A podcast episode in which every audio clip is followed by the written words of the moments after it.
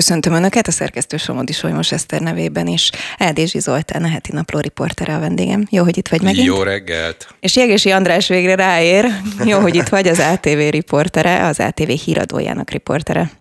Szervusz, és jó napot kívánok a kedves hallgatóknak És rögtön is. szerintem majd neked is dobjuk a labdát, mert hát mi mással kezdenénk, mint a státusztörvényel, és ugye ezt a beszélgetést délelőtt, illetve hát reggel rögzítjük, de hát ugye most tárgyalja a parlament a státusztörvényt, mindenféle vonatkozása is lesz ennek, például senki nem mehet be, aki kvázi idegen a parlamentbe a mai napon, és hát András, te azért folyamatosan foglalkoztál ezzel a témával, státusztörvényel, tüntetésekkel, ma például mivel fogsz foglalkozni? Hát ma azzal fogunk foglalkozni az ATV híradóban, hogy 17 órakor kezdődik a tüntetés a Kossuth téren, a parlament előtt.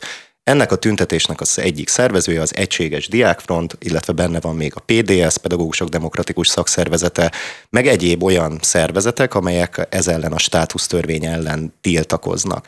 Az, hogy mennyire vagyok benne, hát olyannyira, hogy a legelső ö, munkanapom az az volt, amikor itt az ATV-nél, 2022. december másodikán a kirúgott karintis tanárok érdekében tartottak a diákok egy tüntetést, és akkor a tankerület elé vonultak, és ott tiltakoztak. Ugye ez a november végi pedagógus kirúgások azok, amik adtak egy elég komoly boostot ezeknek a diák és tanár tiltakozásoknak.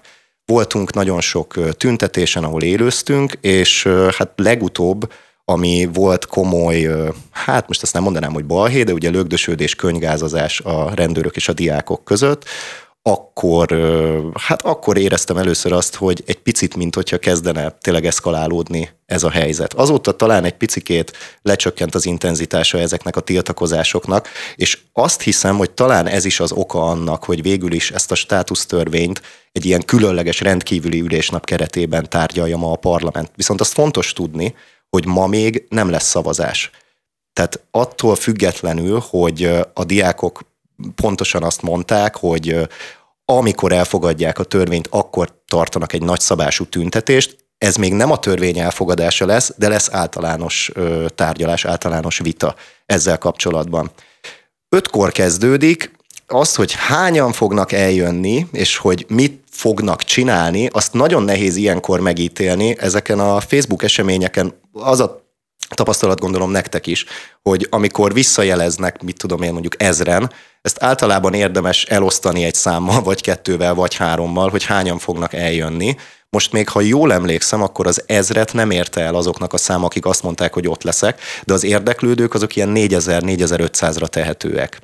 Hogy hányan lesznek, meg mit csinálnak, meg meddig maradnak, ez mindig akkor dől el. Tehát ez tényleg olyan, hogy nincs általában megítélésem szerint ilyen konkrét tervük a diákoknak, vagy a szakszervezeteknek teljesen adok, hogy mi fog történni. Szerintem benne van az is, hogy mint legutóbb a belügyminisztérium előtti demonstrációnál, hogy este 8 óra után már páran maradtak, meg benne van az is, hogy akár fél tízkor este még ott vannak a Kossuth téren ebben az esetben, és még valószínűleg demonstrálnak. Mind a kettő benne van szerintem.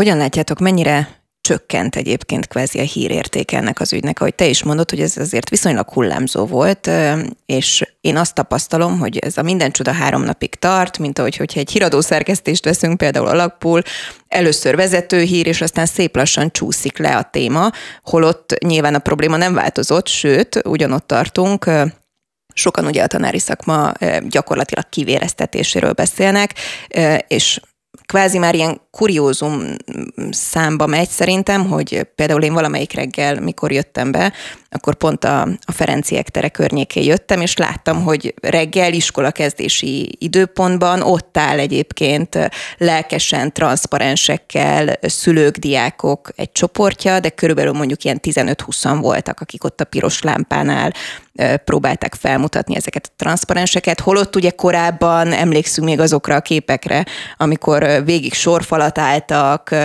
a diákok, tanárok, és ott egymásnak osztogattak a helyi lakosok, vittek le nekik kávét, tehát szóval hogy hogyan, hogyan tud életben maradni egy ilyen probléma?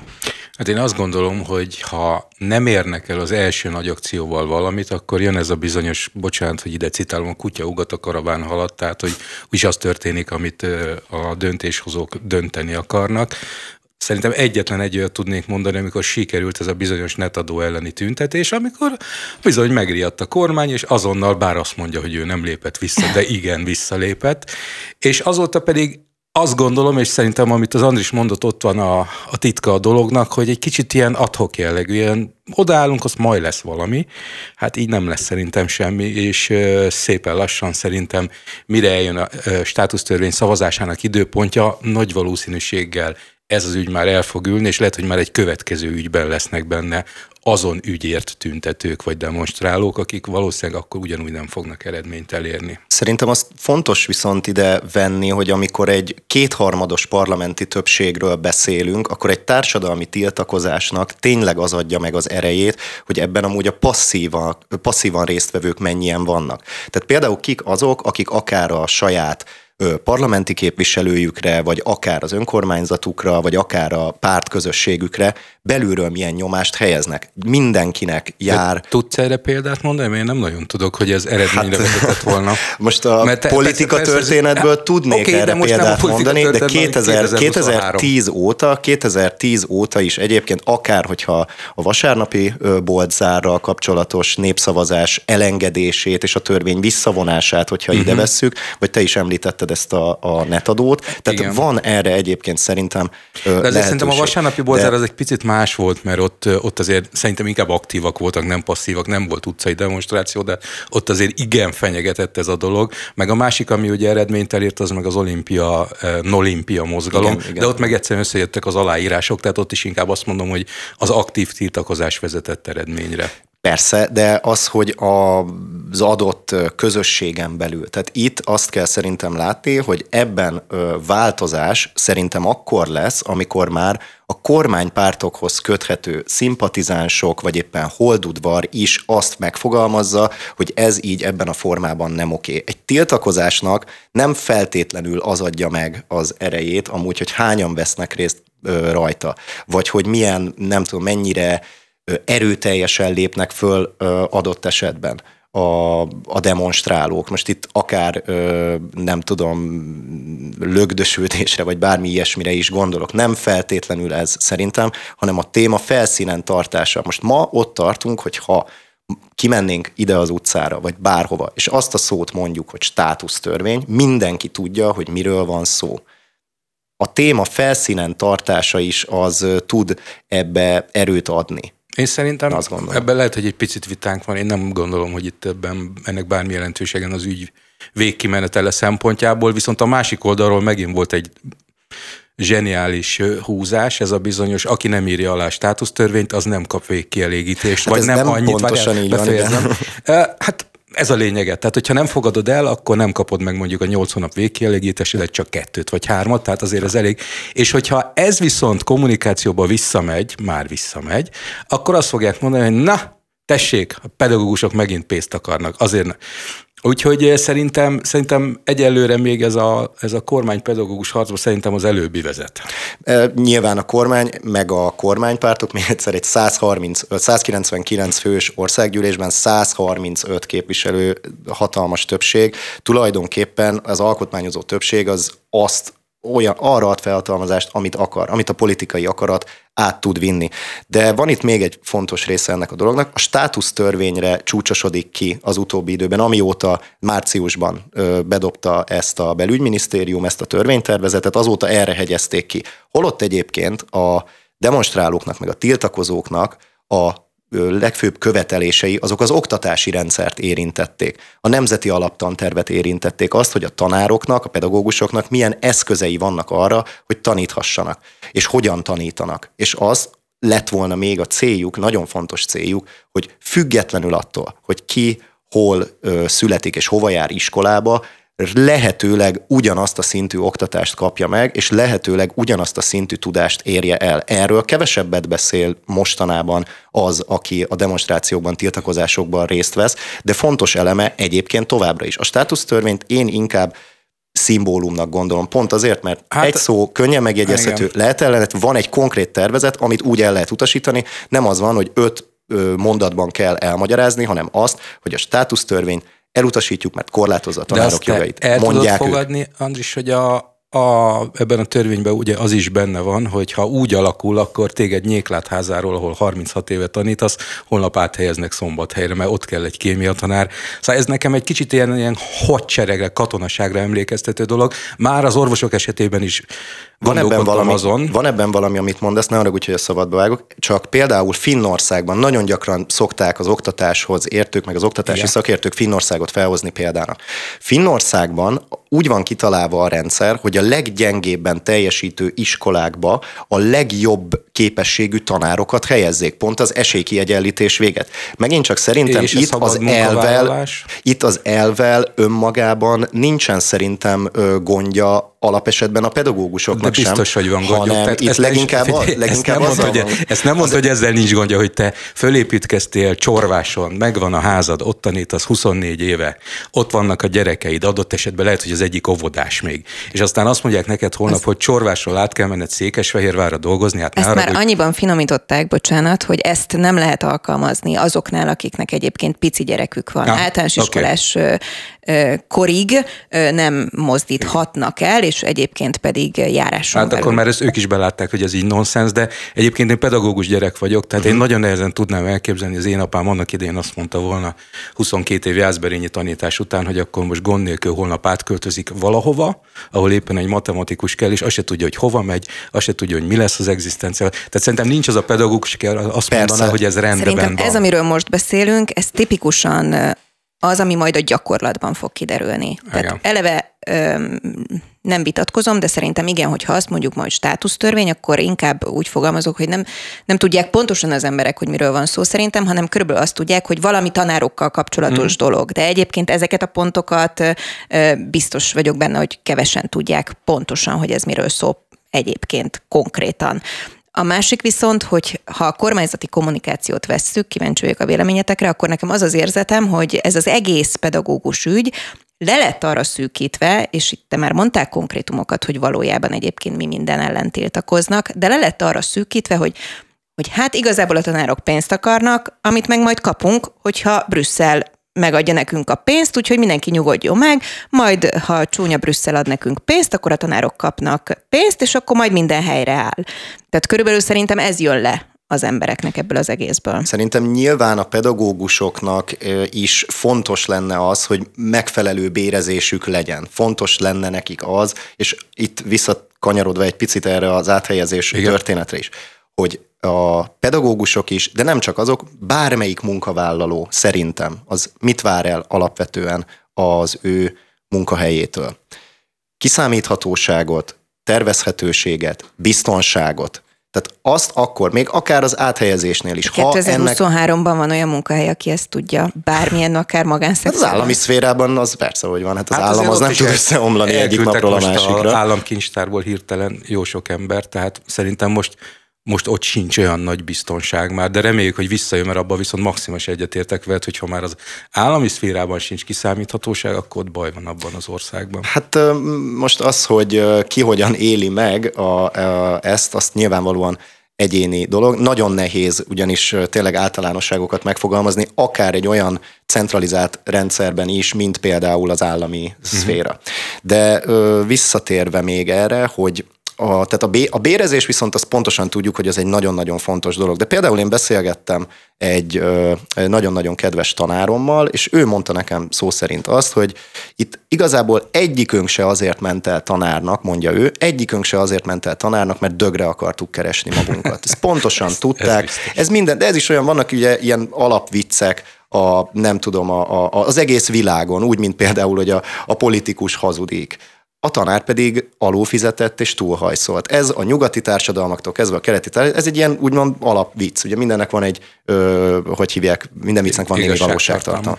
Szóval itt megint csak vissza, a bérezés is egy nagyon-nagyon fontos dolog, fontos lenne a tanároknak is, és ebben ezt tudjuk jól, hogy mindenki egyetért. Ezt még Novák Katalin köztársasági elnök is azt mondta, hogy ő egyébként persze, hogy szeretné, hogy többet keressenek uh-huh. a tanárok, és utalt is arra többször, több nyilatkozatában is, hogy ő egyébként maximálisan támogatja ezt, ezt. Ő, a politikába ő annyira nem ment bele, de megint csak azt tudom mondani, hogy ami szerintem a tiltakozóknak és egyébként a diákoknak is fontosabb lenne, az az, hogy az ő tanáraiknak milyen uh-huh. eszközei vannak a kezében arra, hogy ők versenyképes, megfelelő tudást kapjanak, és úgy menjenek ki az életbe. Egy dolgot tennék ehhez hozzá, hogy ugye 30 évvel ezelőtt, amikor én elkezdtem tanítani, mert kivételesen én is pedagógus vagyok valahol, egy faluban tanítottam, ahol azért akkor is nagyon rosszul kerestünk, de abban az időben a faluban a plébános, a tanácselnök és a tanító az azért három komoly ember volt. Amit mi mondtunk, az számított. Olyan nem jöhetett szóba, hogy bejön egy gyereknek a,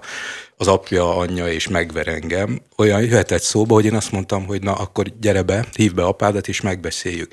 Tehát gyakorlatilag akkor is rossz volt a kereset, de akkor sokkal nagyobb volt a társadalmi megbecsültség ennek a szakmának. Ma már gyakorlatilag odáig jutottunk, hogy bármi történik, jönnek a bulvárlapoknak a hangzatos címei, meghurcolnak embereket, és sokszor aztán kiderül, hogy hoppá, az nem is úgy volt.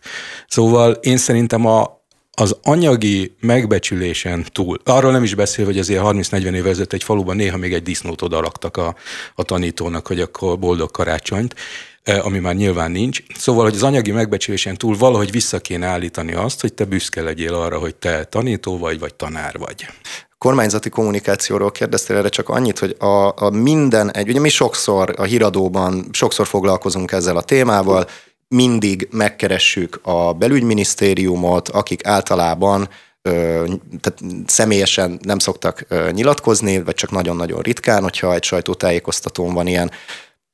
Mindig elmondják a belügyminisztérium részéről, hogy eddig tízszer, tizenegyszer, tizenkétszer egyeztettünk a tanárokkal. Az ő kormányzati kommunikációjuk, pontosabban a kormányzati kommunikáció az azt szeretné ö, mutatni, hogy egyébként mi tárgyalunk. Hát De mi mert a gond? egyébként vannak is tárgyalások. Persze, vannak, csak az Most a egy kérdés, hogy melyik kérdés, fél, hogy igen, valahova. melyik fél hogyan éli meg.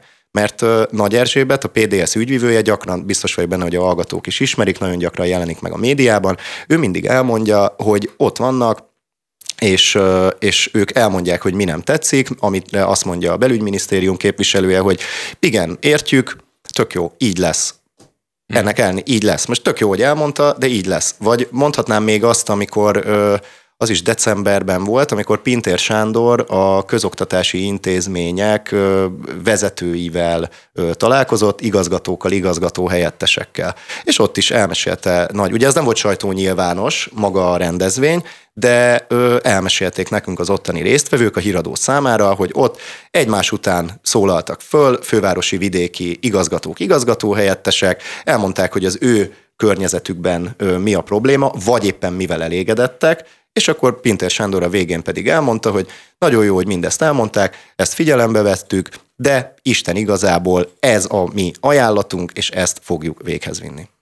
Pont. Visszatérek még oda egy mondatra, és aztán befejezzük ezt a témát, hogy ez az egész, amiről beszélünk, és hogy ha és amennyiben átnyomják, vajon van-e kétségünk, hogy átnyomják ezt a törvényt, ennek valódi látszatja, vagy hogy ez mondjuk milyen károkat okoz, vagy mennyire hasznos mondjuk a kormánynak, hiszen a múltkor ezt beszéltük ki Nodi Molnár Dórival, aki abszolút szakértője ugye szintén a témának, és ő mondta, hogy ezzel gyakorlatilag el lesz intézve, hogy nincs tanárhiány, hiszen át lehet helyezni, hiszen 32 helyet 40 órát lehet majd dolgoztatni őket, stb. stb. Tehát kvázi ez egy megoldása a kormányzatnak arra, hogy, hogy azt a valós problémát, hogy tanárhiány van, azt így elfedje, vagy megoldja, ki hogyan szeretné, de ez az egész szerintem majd csak szeptemberben fog kiderülni, hiszen most ugye jön a nyári szünet, és abszolút elképzelhető, hogy a tanároknak egy még egy jelentős hányada elkezd majd valamilyen más munkát keresni, amivel jobban keres, ami megbízhatóbb, és szeptemberben egyszer csak ott állnak a szülők, hogy ők beíratnák a gyermekeiket, de bárhol, Budapesten is nem kell bármilyen másik várost venni, nem lesz tanár. Szerintetek mikorra látható ennek ez az eredménye? Egy gyakorlatilag ehhez még, még, még tovább fűzném, hogy még lehet, hogy még később lesz látható, mert például, ha jól emlékszem, de majd Andris kijavítasz, ha rosszul emlékszem, hogy mondjuk van olyan egyetem, ahol kémia tanárnak például senki nem jelentkezett az idén. Tehát, hogy mondjuk Sőt. öt, Igen, év volt múlva, volt ilyen. öt év múlva ki fogja megtanítani a gyerekemnek, hogy mi az a kovalens kötés. Én se tudom, bár bocsánat, annak idején megtanították, de hát a tanárhiány majd még így kulminálódhat a későbbiek folyamán is. Hogy mikor derül ki, érdekes kérdés, te is azt mondtad az előbb, hogy a hogy a gyakorlatban dől el. Tehát itt egyrészt meglátjuk azt, hogy ö, szeptemberben ö, hány tanár lesz, hogyan vannak betöltve ezek a pedagógus ö, posztok, és azt is látni fogjuk, hogy majd a, a frissen végzettek közül, hiszen idén ugye azért diplomáznak páran, hogy ők hányan maradnak, a, vagy hányan döntenek úgy, hogy beszállnak az oktatásba. Biztos vagyok benne, hogy nem meglepő sem nektek, sem a hallgatóknak az, hány olyan nyelvtanárt ismerünk, amelyik, vagy hallottunk arról, hogy elvégzi a nyelvtanár kép, képzést. A nyelvtanári képesítés az gyakorlatilag a felső fokunál is egy magasabb szint, és gyönyörűen el tud helyezkedni akár egy multinacionális cégnél, ahol a sokszorosát megkeresi annak, amit, amit egyébként pedagógusként keresne. Uh-huh. Abban az esetben, hogyha kiderül, hogy tényleg nincsen tanár bizonyos helyeken. És ez főleg a kis településeket érinti, mert azt nyilván tudjuk, hogy a nagyvárosokban, Budapesten, egy Debrecen méretű városban, Miskolcon, Győrben, Szombathelyen lesz tanár, lesz pedagógus, ott általános iskolák, gimnáziumok tudnak működni. Na majd a kisebb településeken ez kiderül. Abban az esetben, amikor ennek már tényleg húsba vágó tapasztalata van a szülők, a diákok és a tanárok számára, az még akár az is lehet, hogy eszkalálja ezt az elégedetlenséget, és akkor jön az, csak hogy keretes szerkezetben maradjunk, akkor jön az, amikor mind az aktív, mind a passzív ellenállás egy magasabb szintre tud kerülni, és akkor a kormányzat, vagy a tankerületek, de főleg a kormányzat engedményeket lesz kénytelen tenni, ha így alakul. Vagy meghosszabbítja bicskéig, tehát ezt még nem tudjuk. Na, innen folytatjuk egy rövid szünet után. Folytatjuk a beszélgetést Jegesi Andrással és Eldézsi Zoltánnal, és miközben itt beszélgetünk, ugye hangsúlyoztam, hogy reggel rögzítjük ezt az adást. Orbán Viktor nyilatkozott ugye a Kossuth Rádióban, ahol sok mindent mondott, nyilván mindenki állampapírba fektesse a pénzét. Ezt nem is biztos, hogy szeretném kitárgyalni, ha szeretnétek beszélni róla, beszéljetek. Akinek van megtakarítása, az ugye csak állampapírba.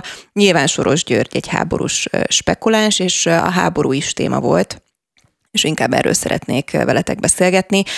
A miniszterelnök ugye hangsúlyozta, hogy egyre súlyosabb a helyzet a szomszédban, Na hát, és azt mondja, hogy Magyarország mindent megtesz azért, hogy biztonságban legyenek az emberek. Mindeközben ugye a hét híre volt, amitől szerintem sokunknak görcsbe rendult a gyomra, hogy Belarusba megérkeztek azok a bizonyos atomfegyverek. Amit én kitárgyaltam egyébként, Tarjányi Péter biztonságpolitikai szakértővel még az Ostrom című műsorunkban a tegnapi napon, és ő azt mondta, hogy különbséget kell azért tenni, hogy van taktikai, meg technikai atomfegyver, és akkor ezt ő nagyon jól levezényelte egyébként, hogy, hogy mindenki nyugodjon meg, hogy ez egy ijesztő hír, de nem annyira.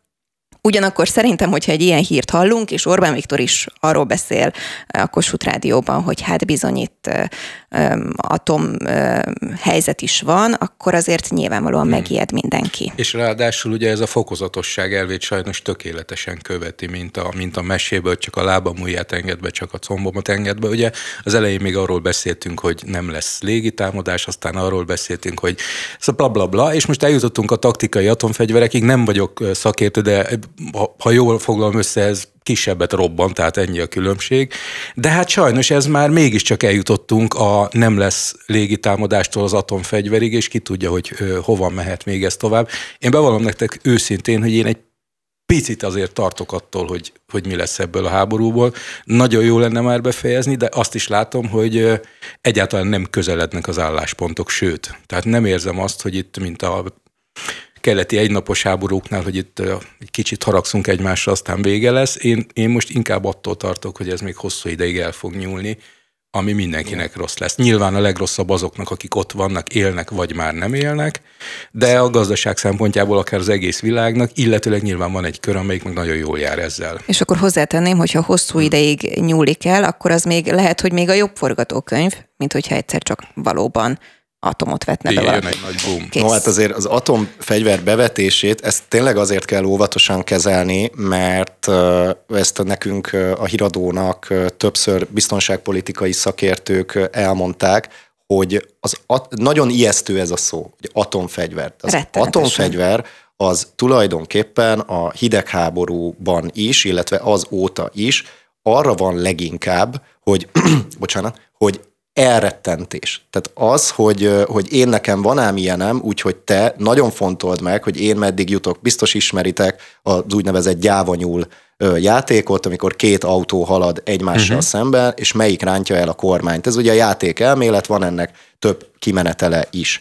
Azt hiszem, hogy most vagy Kis Benedek József, vagy Szent Iványi mondta nekünk a híradóban, hogy a, az atomfegyver bevetésének azért nagyon csekély az esélye, mert ez két szomszédos ország. Tehát, hogyha bevet egy atomfegyvert Oroszország, és megfordul a szélirány, akkor, akkor ő is kárt és veszteséget szenved belőle. Mérgezett lesz a talaj, mérgezett, le, mérgezett lesz a víz. Tulajdonképpen nem, nem akkora kockázat ez, hogy egyszerűen nem, ezt nem meri bevállalni. És nem véletlen az, hogy a, az oroszok ö, is, ö, hogy mondjam, egy, beszéltünk, beszéltek itt sokat villámháborúról, meg hogy pillanatok alatt letarolják őket. Ez végül nem következett be, nyilván azért is, mert az ellenállás mértéke akkora volt, hogy ezt nem éri meg nekik folytatni. Mind az oroszok és mind az ukránok, kifejezetten az ukránok pedig a nyugati technológiával és segítséggel, azok egy borzasztóan kiegyenlített háborúban vesznek részt. Tehát kiegyenlítettek az erőviszonyok, mármint ezt is a biztonságpolitikai szakértők, meg az elemzőktől tudjuk, nem pedig magunktól vagyunk ennyire okosak. És azt is érdemes szerintem figyelembe venni egyébként, ebnek a háborúnak egy nagyon fontos része, amiben szintén nemzetközi szakértők is egyetértenek, hogy van ennek egy dezinformációs része ennek a háborúnak. Sőt, Tehát honnan tudjuk azt? Honnan tudjuk azt, hogy ez igaz? Egyébként. Mármint mi? Hát az, hogy atomfegyver, az, hogy egyébként bármi, tényleg. Az, hogy atomfegyvereket telepítettek oda. Hát honnan tudjuk, hogy ez igaz? Hát Tehát ez, nyilván hiszem, itt vannak mindenféle ilyen mű volt igen. felvétel, meg olyan nem tudom mi, amik különösen mondjuk, hogyha atomról van szó, figyelik a mozgását igen. ezeknek, hogy akkor most elindul, vagy nem indul el, vagy én ki hova mozog. Én azt gondolom, hogy ezt százszázalékos bizonyossággal talán még a titkos szolgálatok sem tudják megállapítani, vagy ha igen, akkor azt nem fogják nyilvánosságra hmm. hozni, azért titkos szolgálatok. Az biztos, hogy abban maximális egyetértek, hogy ennek a taktikai atomfegyver telepítésnek is a talán és reméljük, hogy a legfőbb célja az, hogy egy picit erőt fitoktassanak az oroszok, hogy lámlám, mi ezt is megtesszük. Aztán, hogy ez hova fog eljutni, mert ugye azért ne felejtsük el, hogy két évvel ezelőtt még nagyon felelős politikusok és biztonságpolitikai szakértők is azt mondták a háború elkezdéséhez, hogy nincs az az épesző ember, aki megtámadná Ukrajnát, aztán tessék, másnap megtörtént a dolog. Tehát nem tudjuk, tehát néha nem a, nem a racionalitások vezény, vezérlik a döntéseket. Én azt hiszem, hogy Putyinnak van ott most azért egy kényszer Oroszországban, hogy fölmutasson eredményt, tehát ő már nem is teheti meg, hogy csak úgy azt mondja, hogy köszönöm, viszlát, visszavonultunk, végeztünk. Zelenszky meg nyilván ő az elején leszögezte, és jó erősen presszionálja is a nyugati társadalmakat, hogy ő azt nem mondta, hogy az utolsó emberig, de amíg kapunk fegyvert, amíg ellen tudunk állni, ellen fogunk állni. És ez az a baj, hogy ez a, ez a mindent elsöprő endőlet, a mindent elfogó akadályjal, ha találkozik, akkor a csoda tudja, hogy mi sül ki belőle. Kajzer Ferenc, bocsánat, a híradóban, uh, híradónak azt nyilatkozta, hogy most, hogy megindult az ukrán ellentámadás, ez ez vagy, vagy sikerrel jár, vagy nem, vagy visszaverik az oroszok, vagy nem. Arra még lesz egy orosz válasz, és utána viszont egy ilyen padhelyzet fog szerinte kialakulni, ami előrevetíti azt, hogy ősszel, nem csak azt, hanem hogy ősszel akkor már egyszerűen muszáj lesz nekik legalább valamilyen szinten elkezdeni tárgyalni.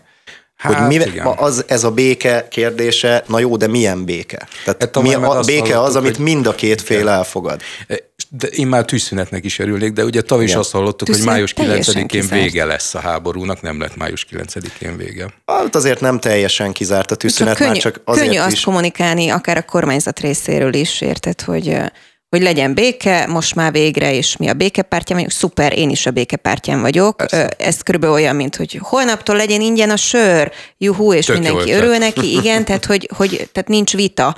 Egyéb nem tudok vitatkozni a kormányzati kommunikációval, ugyanakkor szintén nagyon ügyes, mert nincs oda téve a tartalom, hogy de hogyan. De hogy. Mert hogy azt is mondják ugye a szakértők, hogy a tűzszünet az azért teljesen kizárt, pont azért, mert nem közelednek az álláspontok, és hogyha lenne egy tűzszünet, az semmi másra nem használná csinál egyik meg másik fél, mint hogy felkészül egy újabb támadásra. Persze. Tehát, hogy ez tehát az arra, nem igazi hogyan... tűzszünet, vagy öm, tehát pusztán mondjuk technikailag egy-két hétig megoldható, hogy mondjuk ne dörögjenek fegyverek esetleg, ami szintén a helyiek számára persze, hogy jó, csak Perdöntő az összességében mondhatni. semmit nem mutat. És akkor mondok még egy ma reggeli hírt, ami szuper, hogy így dobjuk fel a péntekünket.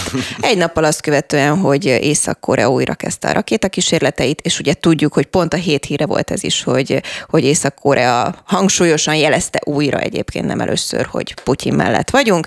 Pénteken, vagyis ma a dél-koreai Puszánba érkezett az Egyesült Államok egy nukleáris meghajtású tenger alatt járója. Tehát szuper, hogy akkor itt is mutogatjuk egymásnak, hogy kinek milyen van. Ö, nem pánikoltatnálak se titeket tovább ezzel az egésszel, hiszen nyilván nem vagyunk szakértők, és nem tudjuk megfejteni. Én teljesen értem, hogyha valakinek egy ilyen típusú, vagy ilyen típusú hírek kapcsán görcsbe rándul a gyomra, és igen kevés esélyt adok rá, hogy bárki a világon szakértő most meg tudja mondani, hogy egyébként mi lesz ennek a vége, mikor lesz vége, és akár azt is, hogy lesz-e ebből atomháború. No, hozunk egy ilyen könnyedebb hírt, vagy más típusú hírt. A gyékényesító ügye, amiről beszélgettünk már adás előtt. Igen. Zoltán, felzárkoztatsz minket, hogy miről van szó? Um, néhány nappal ezelőtt robbant ez a hír egyébként pont az ATV híradójában, hogy ugye gyékényesen, ahol az ország egyik legszebb, legmélyebb vízű és legtisztább tava van, ott a helyi horgász egyesület eh, hozni akar egy olyan döntést, amely szerint a horgász tevékenységen kívül mindent betiltanának, tehát nem lehet fürdeni, nem lehet vitorlázni, nem lehet búvárkodni, ott egy nagy búvár egyesület működik, sőt, nem lehet a parton sétálni sem, ha nincs horgászbot nálad. Hát nyilván ebből óriási felháborodás felháborodás kerekedett. De remélem van olyan leleményes magyar vállalkozó, aki már rögtön egy standon horgászbot szerű tárgyakat árusít. Igen, ez egy nagyon... Sőt, De adom a tippet, tár. ugye? Igen. És hát tehát amennyire vicces eznek tűnik ez a dolog, ez annyira szerintem lenyomotta a mai magyar valóságnak, ha ez tényleg igaz mert azért azt tegyük hozzá, hogy én még a Horgász Egyesületet nem hallottam ebben az ügyben megnyilatkozni, de ugye Hofinak volt az a mondás, hogy én olyan régen élek ebben az országban, hogy én már mindent elhiszek. Én még azért ennyire régen nem élek ebben az országban, tehát remélem, hogy ez egy ilyen hírlapi kacsa, bár egyre inkább úgy tűnik, hogy nem, de szerintem ez egy súlyosan szereptévesztett horgász ember, tehát ő egy nyilvánvalóan nem zárhat le egy tavat. Hát nincs is rá jogosítványa, tehát számomra az a megdöbbentő ebben a dologban, hogy mind a, az országos horgász, horgász szövetség, mind a jogászok, mind az önkormányzat. Még maga az agrárminisztérium is azt mondta, hogy erre nincsen joga. De akkor, akkor ő ezt miért akarja? Ezt most feltételezzük, hogy ezt ők egyébként nem tudják, hogy amúgy nem lehet? Vagy Én... egyszerűen csak fogja, majd körbekeríti, és nem tudom, fegyveres kutyás őr ott lesz, hogy hol van az a horgászból. Jó Tehát, sok nem lát... kellene venni, mert nagy tóról beszélünk. Na igen, egy, na az meg a másik része, és a, pláne a búvárkodás, az ember azt gondolhatná, hogy egy horgásztóban, bányatóban miért akar valaki búvárkodni? Hát azért, mert elképesztően tiszta a vize, egyes részeken még a fenékre is lelátni. Abszolút. Tehát annyira, annyira tényleg gyönyörű helyén volt. Nagyon-nagyon szép hely. Somogy, Somogyország a legjobb. Annyi, igen, és, annyi csak, hogy felolvasom ennek, a, mert megkerestem a horgásztónak a honlapjának. Az első mondat így hangzik szemüveg nélkül, megpróbálom azt mondja, küldetésünk, hogy gyékényes környéke és Somogy megye fejlődéséhez, az itt élők életfeltételeinek, életminőségének javításához segítséget nyújtsunk az Egyesületben végzett társadalmi szerepvállalásunk által, vagyis horgászom mindenki, vagy menjen a fenébe. Az egy furcsaságot azért látok, hogy bármilyen hírnek próbálok utána nézni magát az Egyesületet nyilatkozni. Igen, erről. ezért nem, mondtam, hogy ha igaz, nem látom. Az, hát de ez az, ami egyébként pont az érdekes, mert hogyha nem igaz, akkor azt miért nem mondja, hogy dehogy is, hát maguk nem, miről, miről beszélnek? van valami ez... a háttérben, és akkor ugye azt mondják, hogy itt ilyen zsarolás lehet, és igazából a Horgász Igen, hogy az Egyesület önkormányzat... és a, az önkormányzat között van valami, mert hogy, és akkor próbálom értelmezni, vagy értelmezzük közösen, Jó. az Egyesület indoklása, ugye azzal indokolták ezt a döntést, hogy korábban az önkormányzati képviselők korlátozták őket abban, hogy a területüket bérbe adja a fizető horgászoknak. Uh-huh. Vagyis, hogy nem tudtak abból bizniszt csinálni, hogy nem akkor... tudtak eleget, gondolom. Tehát el, nem elég van nagy szó, hogy egyébként csinálni, biztos van olyan terület, amit tudnak. Indokként azt jelölték meg, hogy a képviselőtestület a korábban hozott intézkedési tervet vonja vissza. Tehát és gyakorlatilag szimpla zsarolásról beszélünk hogy ezek igen, alapján? hogy igazából úgy tűnik, hogy ebben egy ilyen zsarolási valamivel. Én nem tudom pontosan, hogy egyébként a gyékényesi tó kinek a tulajdonába tartozhat az önkormányzati, vagy, hát vagy állami tulajdon? Ha egy az ilyen? önkormányzat hozott erről döntést, a, amit megkifogásol a horgászegyeset, akkor valószínűleg az önkormányzathoz tartozhat, de egy ekkora tó meg szerintem nem lehet csak tehát, önkormányzati hogy... tulajdon, tehát én igen. nekem ez gyanús ez az egész uh-huh. történet. Hát, hogy megmondani, megfelezni ez a horgász, oké, okay, itt pedig lehet sétálni. Hát, nem lehet ilyen igen. igazságot hozni Egy, valahogy. Mi van, de mi van akkor, hogyha a halak azok pont a fürdőzőket választják? Hát Ugye, mert utána ebből lenne. Én néztem egy térképet erről a horgásztóról, ahol a horgászhelyek be vannak pöttyözve, Na. és gyakorlatilag az egész tavat körbe pöttyözték, tehát nagy hát, valószínűséggel... Azért horgásztó. Igen, hát bocsánat, hogy ez egy jó kérdés, hogy horgásztó, lehet, hogy rosszul mondtam, a tó.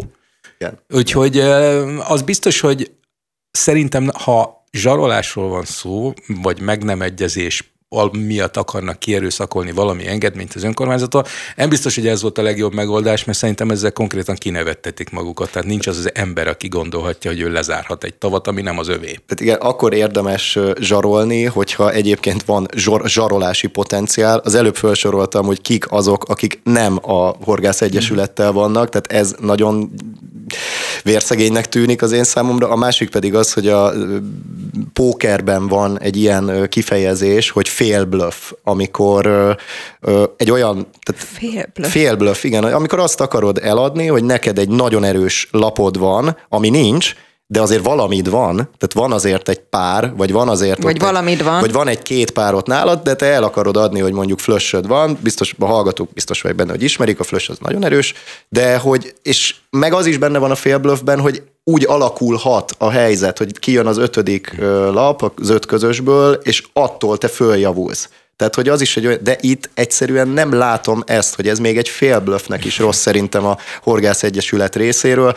A, még egyszer, a, tá, a, a lakók, az önkormányzat, az maga a kormány. A és egyébként megmondom őszintén, hogy amikor a kormány azt mondja, hogy na, erre neked aztán végképp nincs jogosultságot, akkor nem gondolnám, hogy a meccs az tudna folytatódni. Igen, azt hiszem, én is azt hiszem, hogy ez egy telefonnal véget fog érni, amit majd kap ennek a Horgász Egyesületnek a vezetője, és utána tényleg visszamehet a társadalmi szerepvállalás. Ez egy nagyon rossz szó viccet elmondhatok, bocsánat, csak amikor mondtad, hogy flös, hogy az erős, nekem az jutott eszembe, mert már kezdek szólni, hogy ez egy nagy flös, az nagyon erős lenne most két deci borra, egy deci szódával.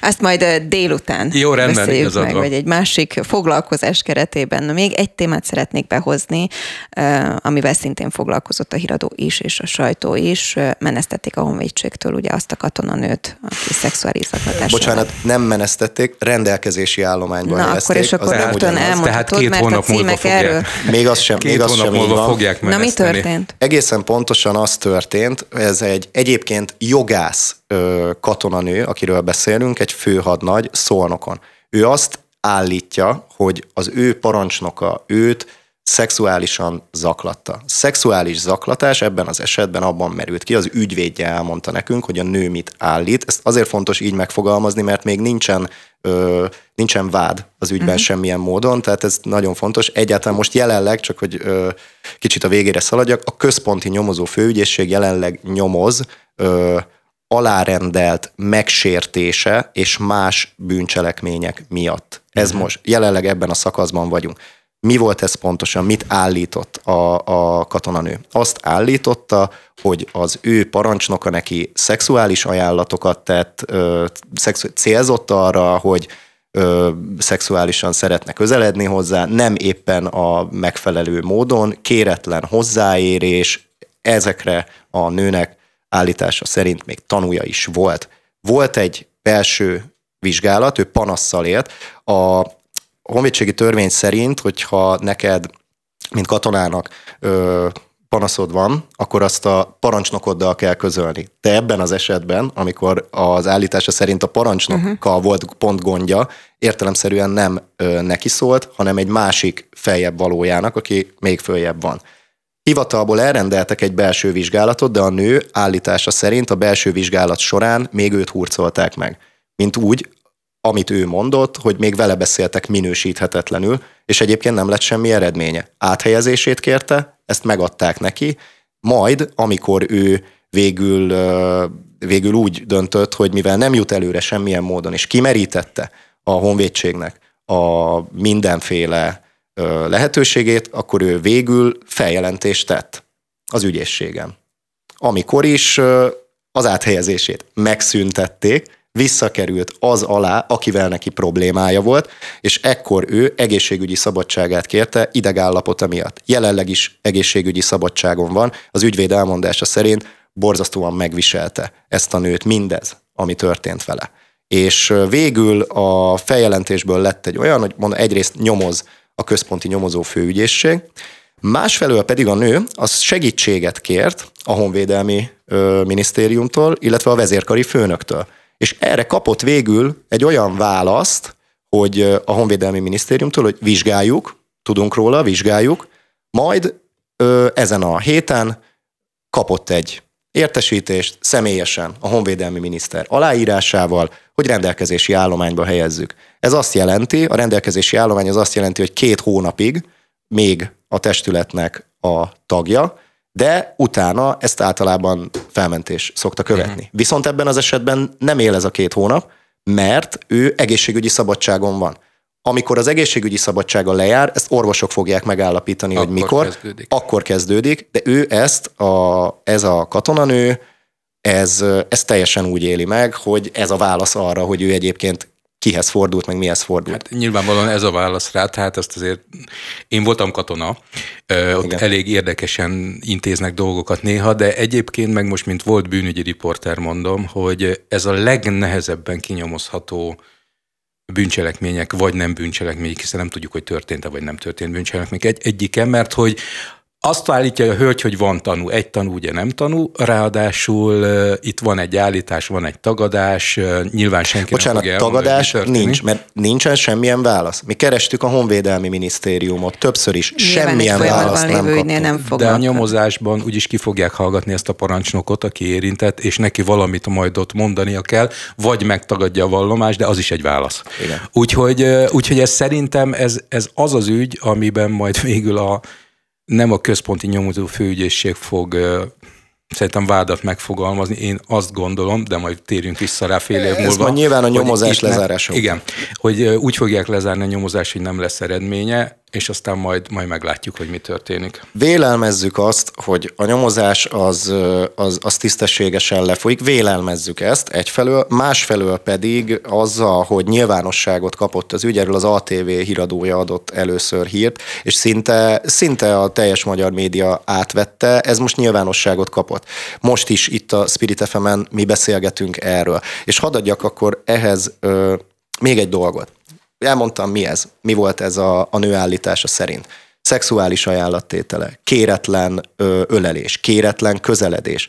Azt gondolnák, vannak olyan emberek, akik erre azt mondanák, hogy most elnézést, hogy kicsit profánul fogok fogalmazni, hogy jaj, nagy, do, nagy dolog, izéje, meg, megfogta valaki a fenekét, és akkor mi van? Na, pont ez az a hozzáállás Spronc Júlia szerint biztos vagyok benne, hogy a hallgatók is ti is nagyon jól ismeritek. Azt mondja, hogy ez a társadalmi megítélés az, ami miatt akár egy fegyveres testület, akár egy munkahely megteheti azt, hogy ilyen esetben ezt elbagatelizálja. Maximális nem tulajdonít neki nagy jelentőséget. És még egy dolog. A, én kerestem most egy Európai Uniós ö, teljes széles megvizsgálását a szexuális erőszak, bántalmazás nőket ért, kifejezetten nőket ért. Ez egy 2014-es igen nem hosszú, mai, igen. nem mai, igen hosszú összefoglaló, még az Egyesült Királyság az Uniónak a tagja, viszont kellően alapos. 42 ezer nővel készült felmérés önbevallás alapján. És ezt is Pronc Júliával is beszéltünk erről. Mondok egy dolgot. A hol, szeg, tehát, hol érte a nőket, és milyen arányban szexuális zaklatás. A legtöbb, elmondásuk szerint természetesen, a legtöbb az, most mondom, Munkahely? 2010, nem, nem, milyen, melyik országban? Yeah. Az első helyen áll Dánia, a második helyen áll Svédország, a harmadik helyen áll Hollandia. A Magyarország a középmezőnyben van, hol volt a legkevesebb? Lengyelország, Románia, Litvánia. Mit lehet ebből leszűrni? Nem azt, valljuk be. Azt kell, így van, pontosan. Spronc Júlia is ezt mondta, az, hogy egyébként ki mit él meg, zaklatásnak, az adott esetben kultúrának is a függvénye, de hát itt az Európai Unióról beszélünk, nagyjából azonos kultúrkörből mhm. jövő emberek. No, Ez az egyik. Igen. És a másik, bocsánat, tényleg csak a legvégén. Egy mondat, egy, mert utána a Dézsinek is még Muszáj annyit mondom, csak hogy viszont arra is vigyáznunk kell, mert én ezeket a szakértőket nagyon tisztelem, mindig meghallgatom, de néha úgy érzem, kicsit átesnek a ló túlsó felére, mert én szintén bűnügyi riporterként láttam olyat, amikor egy mostohány azt mondta az apjáról, hogy ő abuzálta, a csávót egyből elvitték másfél évre börtönbe, mire kiderült, hogy a gyerek hazudott, és bonyolult volt. és szövevényes, és nem hagyom az Andrásnak, hogy befejezze azt az egy mondatot, ne haragudj, mert hogy vége van az adásunknak, viszont elköszönő mondatban azért szegény Dézsinek csak annyian legyen, hogy miért nézzük a naplót.